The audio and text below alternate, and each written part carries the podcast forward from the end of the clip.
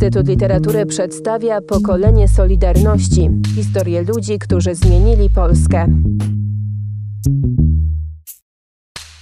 Między Gomułką a Gierkiem było to, że Gierek zaczął budować. Te Zagłębie tak postawił na nogi, już nie mówię o Huzie Katowicach, o którym przyjaźń, ale o budownictwie. Jak krzyknął, że każdy górnik musi mieć mieszkanie, uruchomił, tak jak ja dostałem z tej puli, mieszkanie własnościowe, znaczy się ja je musiałem spłacać, ale to było moje właśnie, już mieszkanie własnościowe, mogłem zarządzać. I on to, on to uruchomił. Później rzucono nam sklepy górnicze. To już był krzyk na całą Polskę, bo tam było wszystko.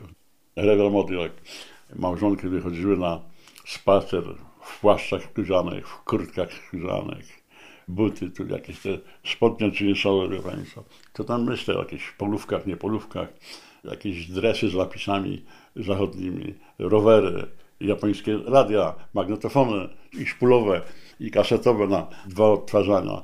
Już była wyższa półka. Oczywiście, oprócz tego nie mówimy o meblach, o dywanach, bo przy tym wierchówka to miała używkę jak cholera, nie? Bo gro szło w ich rodziny, bo oni wiedzieli, kiedy towar przychodzi, co mają zostawić, co mają na sklep rzucić, czego mają nie rzucić. A myśmy tego nie sprawdzali.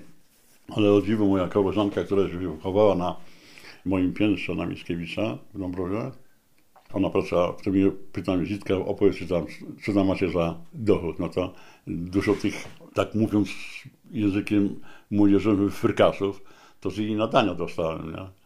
I teraz tak, w Polskę poszła taka fama, pisana na nas na wagonach, węglarkach z Gdańska szły, że sprzedawczyki, to, tamto, o, o tych sklepach górniczych. Przykre takie to było. No. I znów zrobiłem taki zamęt, namówiłem dużą grupę ludzi, nie przychodźmy w niedzielę, bo to ze sklepu górniczego wychodziły takie bonusy, kto pracował w sobotę i w niedzielę. Co niektórzy się zapisywali, panie kierowniku, i pan mnie zapisze na niedzielę, to tam to. A ja korzystałem z tych bonusów sobotnich, gdzie ten dzień nam wydłużono poniedziałek, piątek, no, poniedziałek, sobota. Tu się człowiek robił wszystko, żeby się wykazać, ale miał prawo stawiać opór. Ja praktycznie dwa razy w roku byłem w Gdańsku cały czas. Wiedziałem, co tam się dzieje, ale przyznam się szczerze, nie słyszałem o żadnych z przywódców, nie wiem jak oni to robili. Słyszałem o stoczni i często y, byłem u Jankowskiego tych przed Solidarnością, bo Kościół Świętej Brygidy to miała taką renomę. Jeden z tych jakby y, opozycjonistycznych y, kościołów. Uczestniczyliśmy, mieliśmy kontakt z kurią biskupią w Katowicach. Tu bardzo rozrabiał KPM, był silną taką, było kilkudziesięciu, ale czuło się takie, że się fajnie spotyka się z Leszkiem, na spotkanie z Leszkiem Uszyńskim, jedziemy, że jedziemy. On miał więcej tutaj zwolenników, przypuszczam, niż w Warszawie. No. KPM nas nauczył, że Państwo, hołdować i piastować kadrową rzecz, Piłsudski. Jeśli tu my akurat mamy takie sanktuarium w Krzywopłotach. Ale to już w latach 70. się działo. Już w 70., tak, już w 70. Wtedy otworzyły się mocy na 3 maj, na 3 maj, 11 listopad. Księdzem mieli bardzo wspaniałego biskupa Musiela, który w tej diecezji sosnowieckiej nakazał wręcz zachowywać takich ludzi, którzy mogą się przydać w tej parafii.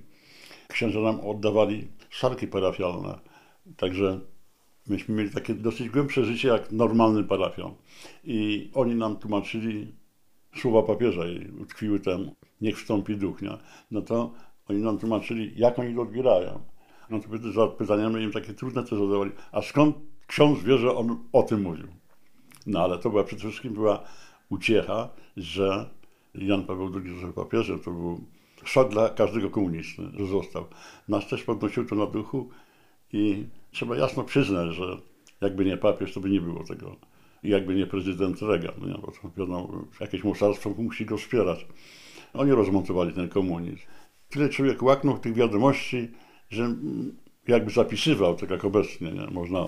To, to było coś i tu były sakramenckie błędy, żeby używali mało aparatów fotograficznych, dyktafonów, żeby coś takiego nagrać że kolega z kolegą się spotykają, a wiesz, u mnie tam w zakładzie jest to, u mnie w mieście zamieszkania jest to.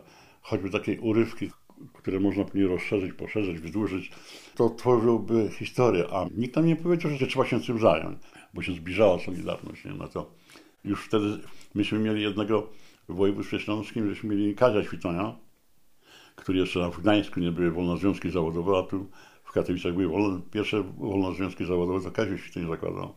Kaziu nie robił jakby list jakiś z cyrografami, że musimy się podpisać, ale jego dom był otwarty ze względu na to, że on naprawiał telewizory. Czyli każdy mógł przyjść z radioodbiornikiem naprawnie. On już to miał bibułem, jakoś nie pytali skąd.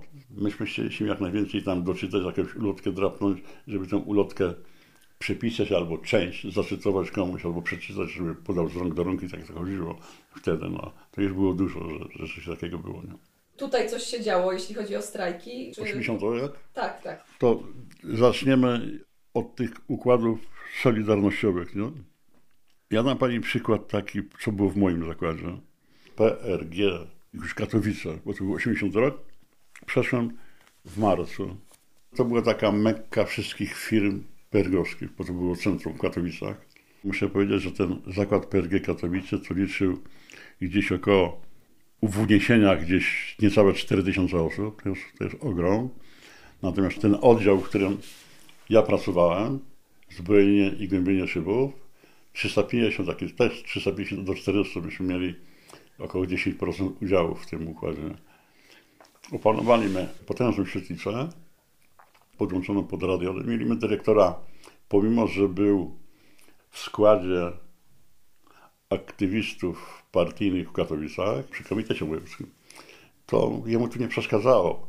Znów się przydaje wolna Europa. Niewyżyte źródło informacji. Ja się przede wszystkim cieszyłem, że to znów moje miasto zaczęło. No. Natomiast wtedy się narodził taki gość, dyrektor PRG Bytom, Schindler się nazywał, pamiętamy go jak gdzieś. I ten był znów kawał Urwisza, taki antykomunista. To był Ślązak z krwi i kości. U nas żeśmy po prostu jakby z marszu, z marszu żeśmy wchodzili, bo to wtedy jeszcze nie było tej nazwy Solidarność, były komisje jakby robotnicze. Później jakiś mędrzec wymyślił Solidarność. Ale wie co, no, przychodziły do nas już ulotki. Myśmy dostosowali dużo pracy poprzez Huty Katowice, bo muszę zaznaczyć, że tam drukarzami byli zawodowcy. Kupisiewicz, Olka Czaskowa, Broniszewski, Jacek Zero z nimi współpracował. Jeden zakład drugiemu jest nierówny. Myśmy tak samo mieli z początku wszyscy tak, tak, wpisujemy się do Solidarności i teraz do jakiego miasta mamy należeć. Mnie nauczyło w wojsku i ten nasz, ten nasz jakby ten ala protest, to mnie nauczył tego, że jak się damy rozdrobnić, bo tu chciał pozostać cztery ośrodki chcieli zrobić. Jak się rozdrobnimy, to jest kaplice, to nas rozjadą. A tu zaczęły się teraz podchody jedno do drugiego. Co chcieliście wywalczyć, już będąc z tą legalną Solidarnością? No nie, no postulaty, te 20 postulatów plus, plus soboty wolna i niedziela, które wyszły z Jastrzębia. Później to Huta Katowice też poparła. Myśmy mówili o niedzielę, a oni mówili, Huta Katowice ujęła uchwałę soboty wolnej. Myśmy nie politykowali. Nikt się polityką nie zajmował. Najważniejszym postulatem dla nas były soboty i niedziela, bo to było dla nas bardzo istotne, żebyśmy mogli spędzać z rodzinami. Jak to podpisali, no to było wszystko ok. Myśmy się bardzo szybko porozumieli co do układu, bo mnie wybrali przewodniczącym tej właśnie komisji robotniczej w oddziale zbrojenia i głębienia szybów. Kazali mi zorganizować y, po prostu wybory. No to już taki ktoś myślał nad statutem, w jaki sposób organizacyjnie to przejąć. Musieliśmy to przestrzegać. No przychodził jakiś oficjal ZKW, czyli tam już z z Jastrzębskiego układu, bo myśmy nie wstąpili nawet do Bytomia, czy tam Tychów i po innych, tylko od razu do RKW Jastrzębia, żebyśmy byli w jednej kupie tak zwanej. No i zorganizowanie wyborów, powołanie komisji wyborczych pod kuratelą, pod obserwacją, mówię nam z Jastrzębia przychodził facet, wybory i dziękuję. No, co, no, no, to, to, ja nie widziałem w tym żadnej trudności. U nas było to fajne, że nie byliśmy taka kopalnia, jest ich kilka tysięcy. Przykładowo, myśmy pracowali tak, ze 200 osób na KWK Staszic. Czyli tam już był zorganizowany, tam były już wybory komisji. W zbrojeniu szybów 350 już to był jeden oddział.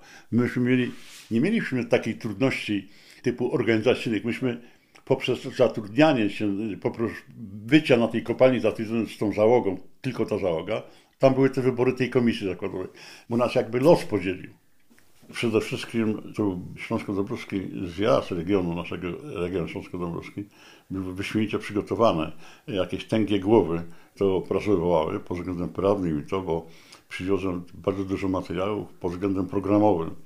Jak widzą dalszą współpracę, jak powinniśmy się zachowywać, na co zwracać uwagę. A nie każdy zakład dysponował jakimś ruchem gdzie można było coś drukować, bo te materiały śladowe było trudno dostać. My akurat mieliśmy dobrego znajomego w zakładach papierniczych w Olkuskim, co nam przywozili hołdy. Huta Katowice dzieliła się z nami sprzętem poligraficznym. Była różnica, wie Państwo, między przykładowo PRG Katowice a PRG Sosnowiec, nie? bo była ta różnica, bo tutaj byli rdzenni komuniści, a tam, a tam byli Ślązacy. Nie? To, to była pewna różnica. Po prostu każdy z nich dziwnie głosił, że Państwo mówi, szacunek dla pracownika. No, szacunek, jakbym tak zaczął określać, wypisywać, co ja słyszę pod, lub widzę pod szacunkiem dla pracownika, to bym witanie musiał napisać, nie? Wiadomo, ale później się to sprowadzało do tego, że gumiaków brakuje. Było śmieszne postulaty, że zwiększyć sort ubraniowy, rękawice i ochronne środki, bo to BHP-owcy, bo wtedy się bardzo uaktywnili BHP-owcy, bo u nas w przepisach górniczych BHP takie trzy książki są. To są przepisy BHP-owskie. No, trzeba by skończyć chyba rzeczy fakultety, żeby to przejrzeć i mieć to w głowie, bo to jest, to jest niemożliwość. No. Ale już wtedy żeśmy, myśmy, proszę Panią, łyknęli taki, bo trzeba powrócić, też na czym się wzorcowali Myśmy jako PRG pracowaliśmy we Włoszech, myśmy pracowali w Hiszpanii. Przykładowo od 40 do 100 osób jeździło na rok, półtora, dwa. Myśmy uczyli po prostu. Miałem szacunek do każdego pracownika, bo, bo źle bym to powiedział, nie? ale bardziej dla mnie cennym pracownikiem był pracownik fizyczny, który naraża swoje życie. Oni musieli być przekonani, że oni pracują dla nas, a my na ich pensję to, to musi być taka relacja, ktoś musi to zrozumieć. Bo jak nie zrozumie, to nie ma żadnej współpracy. No jaka może być, nie? A jak pan wspomina te 16 miesięcy karnawału, to był dla was rzeczywiście karnawał? Proszę bardzo, ciężka praca.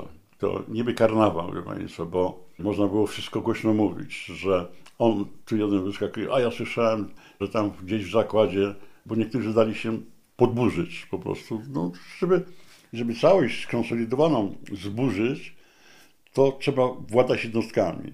Później u nas też myśmy przekonali, że w każdej komisji zakładowej było kilkanaście osób, współpracowników lub ukierunkowanych ludzi, którzy wyłożyli azbestę. I nie przypuszczam, że to dotyczy całej Polski, ale w górnictwie tak.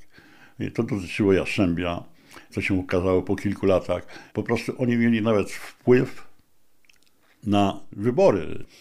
My byliśmy taką, taką opcją zamkniętą w ten oddział zbrojenia szybą, bo względu na to, że dość, że my stworzyli takie małe, małe takie grupki po 5-6 osób, między sobą, jak my żeśmy dostali taki prikaz przykładowo, że na 10 jeden delegat do, do komisji zakładowej, do tych prawyborów.